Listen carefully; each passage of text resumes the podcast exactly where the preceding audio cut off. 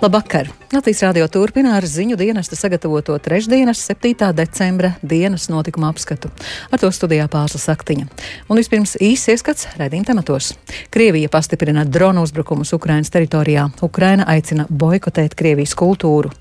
Piemēram, neatskaņojot komponista Pētera Čaikovska darbus līdz brīdim, kad Krievija izbeigs savu asiņaino karu. Vai veselības nozares reformas ar ārpus politiķu vides ministri neapstāsies nemaz nesākušās? Apvienotais saraksts ir simtprocentīgais viņas muguras, un mēs viņu atbalstīsim viņas centienos beidzot iegūt šo lūzumu punktu. Politiķi gandrīz gadu nespēja pieķerties pie sabiedrisko mediju apvienošanas. Radio un televīzijai papildu nauda vajadzīga jau tagad. Tehnoloģijas infrastruktūra šobrīd ir kritiskā stāvoklī, un tā tomēr ir Latvijas kritiskās infrastruktūras daļa. Mēs nevaram ar to spēlēties, nevaram to vairs ilgāk aplīkt. Izsīkstot augstas precizitātes raķešu krājumiem, Krievija pastiprina dronu uzbrukumus Ukrainas teritorijā. Tikmēr Ukrainas enerģētiķi turpina atjaunot iepriekšējos triecienos nopostīto infrastruktūru, lai samazinātu elektroenerģijas deficītu. Krievijas uzsāktais karš ir nodarījis milzīgus postījumus arī Ukrainas kultūras vērtībām, tāpēc Kieva aicina sabiedrotos boikotēt agresoru valsts Krievijas kultūru. Plašāk Ulda Česberis ierakstā. Krievija turpina gaisa uzbrukumus Ukrainā, kuros atkal izmantoti no Irānas iegādātie droni Kamikadzes Shahid. Pagājušajā naktī Ukrainas pretgaisa aizsardzības sistēmas notrieca astoņus dronus virs Dņipropetrovskas apgabala. Droni izmantoti arī triecienos pa vairākām apdzīvotām vietām Zaporīžies apgabalā. Vienā no uzbrukumiem ievainoja trīs cilvēkus. Ukrainas bruņoto spēku ģenerālštāps paziņoja, ka aizvadītajā diennaktī ir izdevies notriekt kopumā 14 Shahid dronus. Pēdējo reizi Krievijas spēki Irāņu dronus izmantoja uzbrukumos 17. novembrī, bet pēc tam tie Ukrainas debesīs nebija manīti. Krievija no Irānas ir pasūtījusi vēl vairākus simtus šahīdu dronu un balistisko raķešu, atsaucoties uz rietumvalstu diplomātiem vēsta ziņu aģentūra DPA. Ukrainas amatpersonas apgalvo, ka ar Krievijas rīcībā palikušajām raķetēm pietiek, lai veiktu vēl dažus masveida uzbrukumus Ukrainai. Bet britu eksperti atklājuši, atklājuši, ka novembra beigās notikušajos triecienos Krievija ir izmantojusi nesen ražotas spārnotās raķetes. Militārais eksperts Valērijs Rjabiks norādījis, ka tas liecina par Krievijas precīzo raķešu krājumu izsīkumu. Šo augstas precizitātes raķešu, piemēram, H-101 un Kaļibra rezerves, ir sasniegušas tā saucamo ārkārtas līmeni - aptuveni 30%. Principā šo raķešu galvenais uzdevums būtu nodrošināt pašas Krievijas federācijas aizsardzības spējas. Ukrainas valsts enerģētikas uzņēmums Ukrenergo paziņojis, ka pēc aizvakar notikušajiem Krievijas raķešu masveida uzbrukumiem visā valstī joprojām saglabājas būtisks elektroenerģijas deficīts. Daudzos energoapgādes objektos turpinās remonta darbi, tāpēc atsevišķos reģionos elektrība ir pieejama vien dažas stundas dienā. Ukrainas valdība ir vērsusies pie ārvalstīm ar lūgumu piegādāt nepieciešamās iekārtas, lai valsts varētu atjaunot energoapgādes infrastruktūru, kas ir smagi cietusi pēc vairāk kārtējiem Krievijas masveida raķešu uzbrukumiem. Krievijas izvērstajā karā ir nopostīti vairāk nekā tūkstoši kultūras objektu visā Ukrainā, apgalvo Ukrainas kultūras ministrs Aleksandrs Tkačenko.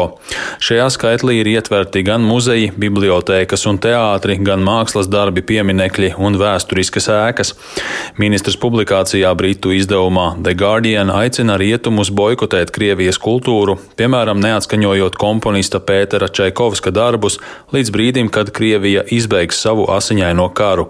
Viņa prāt kultūras boikots ir tikpat nepieciešams kā politiskās un ekonomiskās sankcijas, ja rietumi vēlas sakaut Krievijas totalitāro projektu. Visbeidzot, populārais ASV nedēļas žurnāls Time par gada cilvēku pasaulē pasludinājis Ukrainas prezidentu Volodimiru Zelenski un Ukrainas tautas garu. Time redakcija norāda, ka Zelenskis ir iedvesmojis Ukrainas tautu un saņēmis starptautisku atzinību par drosmi pretoties Krievijas iebrukumam. 2007. gadā Time par gada cilvēku nosauca Krievijas prezidentu Vladimiru Putinu. Žurnāls gada cilvēka titulu piešķir kopš 1927. gada personu personai, personu grupai vai idejai, kas aizvadītajā gadā visvairāk ietekmējusi notikumus pasaulē. Uldis Česberis, Latvijas radio. Kijavā šodien noslēdzās apvienoto nāciju organizācijas augstā cilvēktiesību komisāra Volkera Tirka vizīte, un sīkāk par to stāsta Latvijas radio žurnāliste Kijavā Indra Sprānce. ANO augstais cilvēktiesību komisārs Folkers Tirks Ukrainā uzturējās četras dienas, kur laikā tikās gan ar augstākajām valsts amatpersonām un tiesību sargiem, gan arī kara šausmas pārdzīvojušiem iedzīvotājiem. Turpina Folkers Tirks. Katru dienu mēs saņemam informāciju par kara noziegumiem, civiliedzīvotāju upuri tādos apmēros, tāpat kā nozīmīgie postījumi civiliem objektiem, ieskaitot slimnīcas un skolas, ir šokējoši. ANO cilvēktiesību monitoringa misija sagatavojas ziņojumu par civiliedzīvotāju slepkavībām Kīvas, Černīhivas un Sumu apgabalu apkaimē, kas notikušas Krievijas iebrukumu Ukrainā pirmajās nedēļās. Turpina ANO cilvēktiesību monitoringa misijas vadītāja Matilda Bognere. Mēs dokumentējām 441 civiliedzīvotāju nāvi, ieskaitot 341 vīrieti, 72 sievietes, 20 zēnus un 8 meitenes. Ir saskatāmas stingras pazīmes tam, ka šajā ziņojumā apkopotie nāvis gadījumi varētu norādīt uz kara noziegumu kā apzinātu nogalināšanu. Krievijas karavīri zinājuši, ka tie ir civiliedzīvotāji, taču tāpat viņus nogalinājuši. Daudzi upuru ķermeņi tika atrasti ar aiz muguras sasietām rokām un šautām brūcēm galvās. Par slepkavībām atbildīgo personu vārdu ANO nenosauc, bet Bognēra aicina Krieviju nekavējoties izmeklēt starptautisko tiesību pārkāpumus un civiliedzīvotāju slepkavas saukt pie atbildības. Indra Sprānce, Latvijas Radio Kīvā. Šodien netālu no Lietuvas pilsētas Kiemenas eh, pierobežā atklāts Latvijas un Lietuvas gāzes starp savienojuma jaudas uzlabošanas projekta pabeigtais posms. Abas valstis ir strādājušas, lai starp savienojuma jauda virzienā uz Latviju pātrinātā kārtā tiktu palielināta līdz 90 gigawatu stundām dienā, nodrošinot sistēmas lietotājiem plašākas iespējas piegādāt un noglabāt dabas gāzi Inču kalna pazemes krātuvē vai pārvadīt to vienotā tirgus zonā. Lietuvas uzņēmuma Amber Grid izpildu direktors Nemons Bikņus atzīst, ka projekts pabeigts agrāk nekā plānots, tomēr tas īstenots sarežģītā laikā un to ietekmējis gan karš Ukrainā, gan piegādes ķēžu problēmas. Pabeidzot šo strateģisko projektu, esam sasnieguši dažus mērķus. Pirmkārt, esam palielinājuši transportēšanas kapacitāti no 60 gigavatstundām dienā līdz 90 gigavatstundām dienā. Tas ir būtisks apjoms. Otrakārt, tas nozīmē augstāko enerģētisko drošību ne tikai Latvijā un Lietuvā, bet plašākā reģionā, jo pazemes gāzes krātuvē tagad ir iespējams iepumpēt vairāk gāzes. Treškārt, infrastruktūra, ko esam izvēlējušies, izveidojuši, piedāvā biznesa iespējas gāzes tirgotājiem. Paturot to prātā, es aicinātu gāzes tirgotājus no Eiropas valstīm iesaistīties vairāk šajā reģionā un izmantot iespējas noglabāt, transportēt un pārdodot gāzi tam pielāgotajos reģionos un valstīs. Adjacent, uh, Eiropas komisija ir nolēmusi vēsties Pasaules tirdzniecības organizācijā pret Ķīnu. Šāds lēmums pieņemts, jo Ķīna turpina bloķēt preces no Lietuvas, kā arī ierobežo Eiropas uzņēmumu patentu aizsardzību. Ķīnas varas iestādes noliedz, ka tās būtu ieviesušas ierobežojumus Lietuvas preču importam. Stāsta mūsu Briseles korespondents Aķams Konohaus. Ķīnas un Lietuvas strīds sākās, kad Viļņā tika nolemts atvērt Taivānas pārstāvniecību. Pekina rēģējot šo soli ar gandrīz pilnu aizliegumu ievies savā teritorijā preces no Lietuvas, kā arī izstrādājumus ar Lietuvā ražotajām sastāvdaļām. Līdz ar to Lietuvas preču imports uz Ķīnu samazinājās par 80%. Tādēļ Eiropas komisija nolēma iesūdzēt Ķīnu Pasaules tirdzniecības organizācijā, jo uzskata tās vēršanos pret Lietuvu par nepamatotu. Piebildīšu, ka plašāk par šo jautājumu klausieties rīt no rīta raidījumā Labrīt!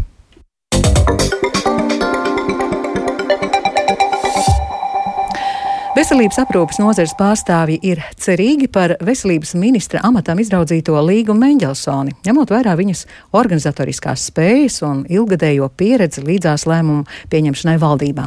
Risināmo problēmu lokus veselības jomā ir plašs, un Mendelsonas kandidatūru izvirzījušie apvienotā saraksta pārstāvi viņas darbā sola nodrošināt politisko aizmuguri. Vairāk Jāņa Kīņš sagatavotajā ierakstā. Ārstus pārstāvošās organizācijas neilgi pēc vēlēšanām pauda viedokli, ka nākamajam veselības ministram jābūt ar pieredzi veselības aprūpas jomā. Šobrīd, kad veselības ministra amatam izraudzīta līdzinējā Latvijas darba devēja konfederācijas ģenerāldirektora Līga Mendelsone, izteikts cerības par viņas menedžera spēju izmantošanu veselības nozares labā. Latvijas ārstu biedrības prezidente Ilze Aizsilniec atgādina par vasarā ar politiskajām partijām parakstītajā memorandā uzskaitītajām konkrētajām prasībām. Mēs nevaram celt pacientu aprūpas kvalitāti kvalitāti bez normāla finansējuma, jo veselības aprūpe maksā tik, cik maksā. Un tad, kad saka, ka ārstiem ir jābūt efektīvākiem, tad es gribu prasīt, ko man 15 minūtēs ir jāpieņem nevis viens, bet trīs pacienti. Un atcerēsimies to, ka Igaunijā un Lietuvā uz vienu iedzīvotāju gadā jau 2022. gadā tērē 2300 eiro, un mums ir 1380 uz vienu iedzīvotāju gadā. Mēs nevaram atļauties ne mūsdienīgas medikamentozās terapijas, onkoloģijas saslimšanu gadījumā, ne mēs varam nodrošināt uh, mūsdienīgus vajadzīgos medikamentus, piemēram, pacientiem ar sirds mazspēju. Ja. Aizsilniec uzsvēra arī mediķu atalgojumu jautājumu, lai atturētu, jo īpaši gados jaunāku speciālistu došanos strādāt aiz valsts robežām. Arī Latvijas jauno ārstu asociācija iepriekš uzsvēra, ka veselības ministram vajadzētu būt cilvēkam ar organizatorisku pieredzi veselības aprūpas nozarē. Tomēr šobrīd to neuzskatu par kritiski būtisku nosacījumu. Turpina asociācijas vadītājs Artūrs Šilovs. Mēs ar kolēģiem šo apspriedām. Nav, protams, nekāda problēma, ja cilvēks nav no medicīnas nozares, bet eh, tai galvenai prioritātei un um, laika ieguldījumam, nu, sākotnējā periodā noteikti būtu jābūt izpratnes iegūšanai par daudziem dažādiem jautājumiem, jo nozara nav viegla, bet viss būs atkarīgs atkal no tā, kā cilvēks vēlēsies un gribēs mainīt. Šajā gadījumā mēs esam vienmēr atvērti sadarbībā un gatavi nākt ar priekšlikumiem, jo beig beigās tas nav par veselības ministriju vai ierēģiem vai tikai ārstiem, tas viss ir gal galā par pacientu. Tā ir noteikti uzdrīkstēšanās un šeit ir jābūt tiešām lielai drosmei, lai šādos apstākļos uzņemties nozares vadību. Darba devēja konfederācijas veselības apakšpadomi vada veselības veselības aprūpas darba devēju asociācijas izpildirektora Ināra Petersone. Viņa uzsver Menģelsons pieredzi sadarbībā ar vairākām valdībām. Politiskās virtuves pārzināšana tas ir tāds ļoti būtisks plus un viņas personīgās īpašības, harizma un tā tālāk ir. Es domāju, ka nu, gan mēs, gan tāpat tās arī kā biedri ir gan klīniskās universitātes slimnīcas, gan, teiksim, mazākas slimnīcas, ka nu varētu mēs apvienoties. Šeit ir svarīgi vēlme sadzirdēt, uzklausīt mūs un, teiksim, nu, kopā ar nozari meklēt tos risinājumus. Un, ja tas neizpaliks, es domāju, būs labi. Līga Mendelsona ir vienīgā ministra amata kandidāte bez piedarības kādam konkrētam politiskam spēkam. Vasarā viņa gan bija iestājusies uzņēmēja Ulda Pīlēna veidotajā biedrībā, kas darbojas līdzās partiju apvienībai apvienotais saraksts, taču biedrību atstāja pēc darba devēja konfederācijas kolēģu iebildumiem. Kļūstot par ministri, viņa varēs rēķināties ar apvienotā saraksta politisko atbalstu, taču valdībā par veselības jomu nepieciešama plašāka atbildība, uzsver apvienotā saraksta pārstāvis Edvards Smiltēns. Un te ir svarīgi viena nianses. Šeit jābūt dzelžainai apņemšanās spējai no valdības vadītāja un finanšu ministra atbalstīt un solidāri nest atbildību par veselības nozari. Un veselības ministra var pilnā mērā rēķināties, ka apvienotais saraksts ir simtprocentīgais viņas muguras, un mēs viņu atbalstīsim viņas centienos beidzot iegūt šo lūzumu punktu veselības problēmu kontekstā, ka mēs tiešām panākam tur būtiskus uzlabojumus. Premjera amatam izvirzītais Krišāns Kariņš no jaunās vienotības atzīst, ka Mendelsons izvirzīšana uz veselības ministra amatu likusies pārsteidzoša, taču neredz iemeslus viņai nekļūt par veiksmīgu veselības ministri. Jānis Kincis, Latvijas radio. Politiķi jau gandrīz gadu nespēja pieķerties pie sabiedrisko mēdīju apvienošanas, bet radio un televīzijai papildu naudu vajag jau tagad. Saimnes cilvēktiesību un sabiedrisko lietu komisija, kas tagad strādā jaunā sastāvā, šodien izvirzīja sabiedrisko elektronisko plašsaziņas līdzekļu vai vienkāršāku sabiedrisko mediju attīstības stratēģiju, un par to vairāk stāsta Ieva Puķe. Komisijas sēdē deputāti tika iepazīstināti ar Latvijas sabiedrisko mediju, Latvijas televīzijas un Latvijas radio apvienošanās plāniem. Saimas jaunajai cilvēktiesību un sabiedrisko lietu komisijai, kura virzīs arī mediju politikas jautājumus, sastāvs ir visai raips. Visplašāk ar trim deputātiem pārstāvēt jaunā vienotība, pa diviem no Nacionālās apvienības un Zaļo un Zemnieku savienības, viens deputāts progresīvajiem apvienotajiem sarakstam, partijai Latvija pirmajā vietā un politiskajai apvienībai stabilitāte. Jau šajā sēdē noskaidrojās, ka komisijai būs jāizvēlās cits priekšsēdētājs, jo Digis Šmits jaunajā valdībā ieņems zemkopības ministra amatu.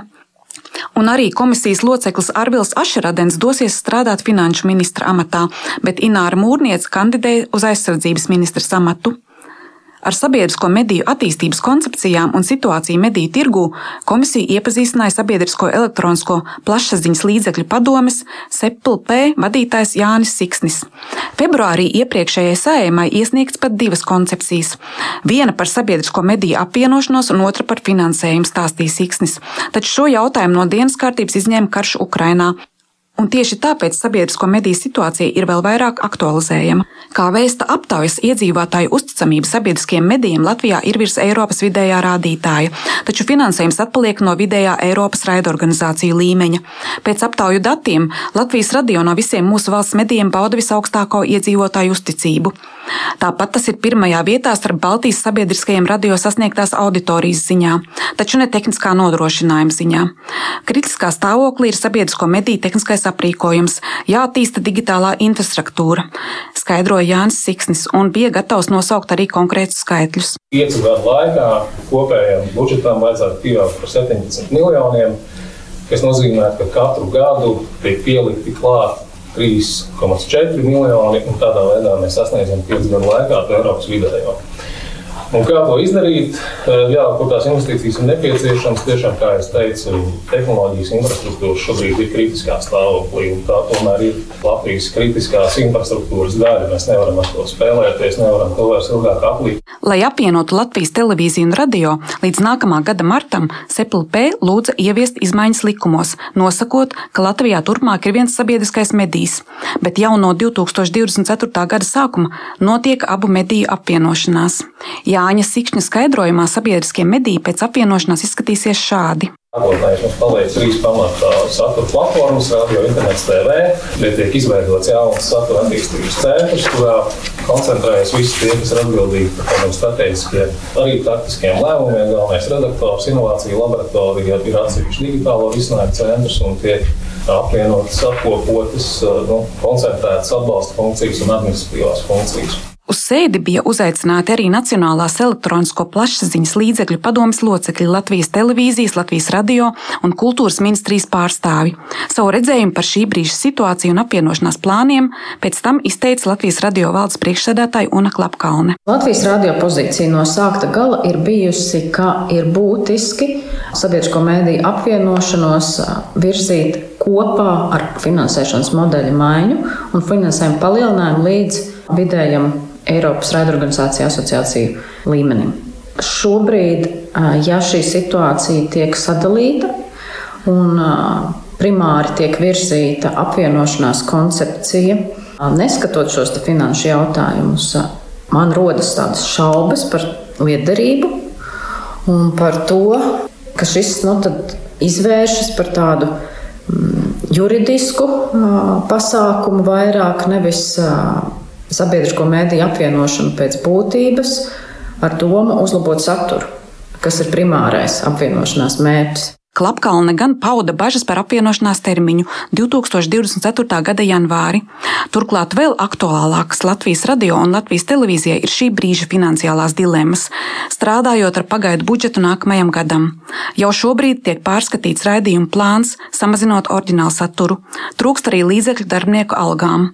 Tās ir neproporcionāli zemas salīdzinot ar atbildību. Ieva Puķa, Latvijas radio.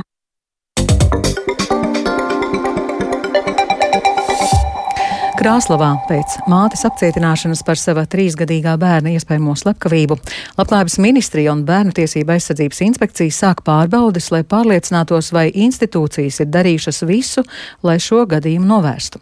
Bērna māte ar dzīvesbiedru iepriekš jau vairāk kārt nonākuši policijas redzeslokā par dažādiem pārkāpumiem. Turklāt pirms diviem gadiem alkohola lietošanas dēļ mātei bija atņemtas aizbildņa tiesības. To vairāk skaidroja Lāsma Zuta Vītola. Ģimene, kurā svētdien tika konstatēta trīsgadīgās meitenītes nāve un bērnu māte tika apcietināta par iespējamo vardarbību, bija Krāslavas pašvaldības sociālā dienesta redzeslokā. Un sadarbība no ģimenes puses bijusi atsaucīga, apliecina Krāslavas novada sociālā dienesta vadītājas vietniece Elita Trūle. Tiešām ģimene pozitīvi sadarbojās ar sociālo dienestu un arī no citām iestādēm un institūcijām informācijas, kas par kaut kādiem notikumiem šai ģimenē dienestam nebija. Tāpēc arī šobrīd, jā, darbs turpinās ar šo ģimeni un uh, arī tie visi pakalpojumi sociālās rehabilitācijas, kas ir paredzēti likumdošanā, bērniem tiks nodrošināti. Ģimene dzīvo daudz dzīvokļu mājā, taču signāli, kas liktu būt modriem, arī no kaimiņiem nav nākuši. Arī par to, vai bērnu mātei ir atkal bijušas problēmas ar alkoholu, dienestam informācijas nav. Ne no citām iestādēm vai arī no policijas nekur šādu ziņojumu par oficiālu viņas alkohola lietošanu vai kaut ko mūsu dienestā nebija saņemti. Tāpēc mē, mums arī grūti nokomentēt vai kaut ko teikt. Mēs, protams, esam saziņā ar, ar attiecīgo bāriņu tiesu un arī noteikti arī izprasīsim dokumentus, lai pārliecinātos, kas ir darīts un vai ir darīts pietiekami. Tā valsts bērnu tiesība aizsardzības inspekcijas vadītāja Gunita Kovaļevska par notikušo Krāslavā. Tas, kas ir bijis iepriekš, un ko es esmu arī tiesīga teikt, kad uh, mammai ir bijušas pārtrauktas aizgādības tiesības, tad viņai ir bijušas atjaunotas un viņa ir sadarbojusies arī ar sociālo dienestu. Uh, bet nu šobrīd tas, kas ir galvenais, ka atlikušie bērniņi ir uh, nogādāti drošos apstākļos un bāriņties arī nu, veids darbības, lai, lai, lai tā tas arī turpinātos.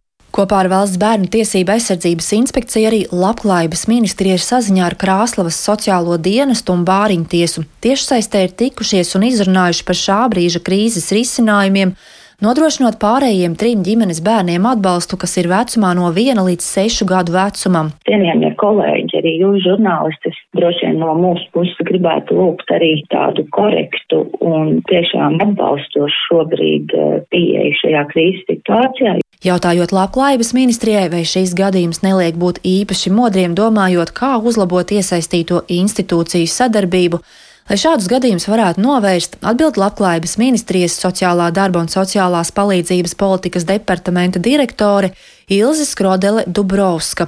Mēs vērtēsim, mēs, protams, apskatīsimies uh, pie tām lietām, kas ir darīts, bet uh, tie pieņēmumi, kā būtu, ja, es domāju, ka tas būtu diezgan nekorekti, un šobrīd profesionāļi mums ir pilnīgi pārliecība, ka profesionāļi dara visu maksimāli iespējamo, un neviens neprofesionāli sociālā dienestā, ne bāriņtiesā noteikti visu vienmēr ir mērķis uh, sniegt maksimāli labāko atbalstu un pakalpojumus ģimenei tās situācijas un traģiskie notikumi, kas notiek ik pa laikam, tādi ir. Un, un es nedomāju, ka eh, nu, no tiem mēs varam izvairīties simtprocentīgi, un tā tas notiek arī visā pasaulē. Kā apliecina arī Labklājības ministrijā, situāciju un atbildīgo institūciju paveiktais tiks analizēts. Jāteic, apcietinātās bērnu mātes dzīves biedrs, kurš sākotnēji arī tika aizturēts, ir atbrīvots jo šobrīd, kā apliecina policijā, nesot pamatu uzskatīt, ka viņš ir saistīts ar iespējamo bērnu slepkavību. Saistībā ar notikušo ir uzsākts krimināla process, un šobrīd policija turpina izmeklēšanu. Lāsma Zūta Vītola Latvijas Rādio studija Latgalē.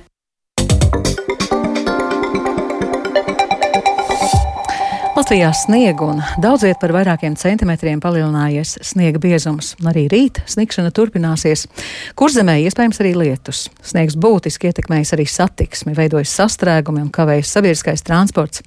Arī lielākā daļa Latvijas rādio šorīt vecrīgā sastapto cilvēku sūdzējās tieši par satiksmi. Traki. Traki liela, jā. Sakiet, jūs pa pilsētu tikai vai arī ārpus pilsētas braucāt? Es no Ādažiem braucu. Nu, piemēram, cik parasti braucat un cik šodien braucāt? Parasti braucu kaut 40 minūtes šodien stundu. Viss kārtībā es pabraucu divus kilometrus tikai. Jā. Pa pilsētu? Jā, nu es nesajūtu. Tās ir briesmas. Tās ir briesmas. Es braucu no Imantas uz šejienu gan arī stundu braucām apļus tikai tāpēc, ka imants tilts ir aizslēgts, tāpēc, ka tur ir avārija no trīs mašīnām. Nu, tās ir briesmas. Es nekad dzīvē neesmu braukusi stundu uz darbu. Ļoti uzmanīgi ir jābrauc. Par kādām 10-15 minūtēm ilgāk mm -hmm. nekā parasti. Un ar to izskandienas notikuma apskats producents Edgars Kupčs ierakstus montēja Ūdens Grīnbergs par labskaņu rūpējās Rīta Karnača, ar jums runāja pārsla saktiņa.